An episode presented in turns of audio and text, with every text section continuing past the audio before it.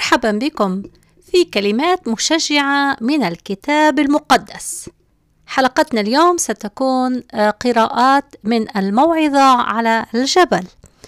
وفي هذه القراءات آه، نقرأ تقريبا آه، دستور الحياة المسيحية كما علمها الرب يسوع على الجبل. وهي موجودة في إنجيل متى الإصحاح الخامس والسادس والسابع. نقرأ اليوم من الإصحاح الخامس.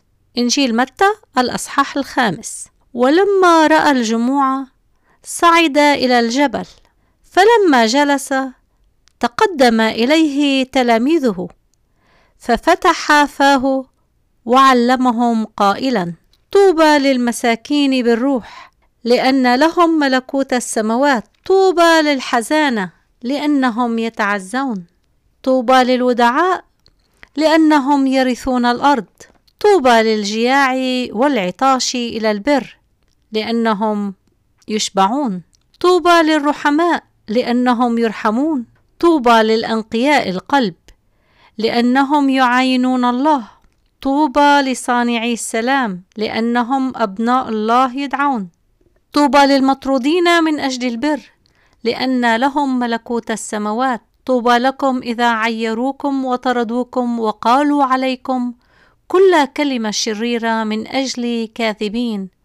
افرحوا وتهللوا لأن أجركم عظيم في السماوات فإنهم هكذا طردوا الأنبياء الذين قبلكم. أنتم ملح الأرض ولكن إن فسد الملح فبماذا يملح؟ لا يصلح بعد لشيء إلا لأن يطرح خارجا ويداس من الناس. أنتم نور العالم.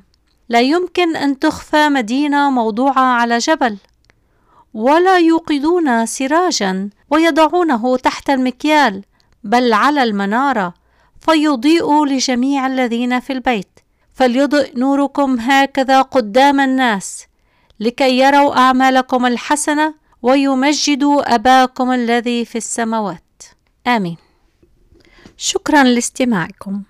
أرجو أن تكون هذه الكلمات بركة لحياتكم. نهاركم مبارك.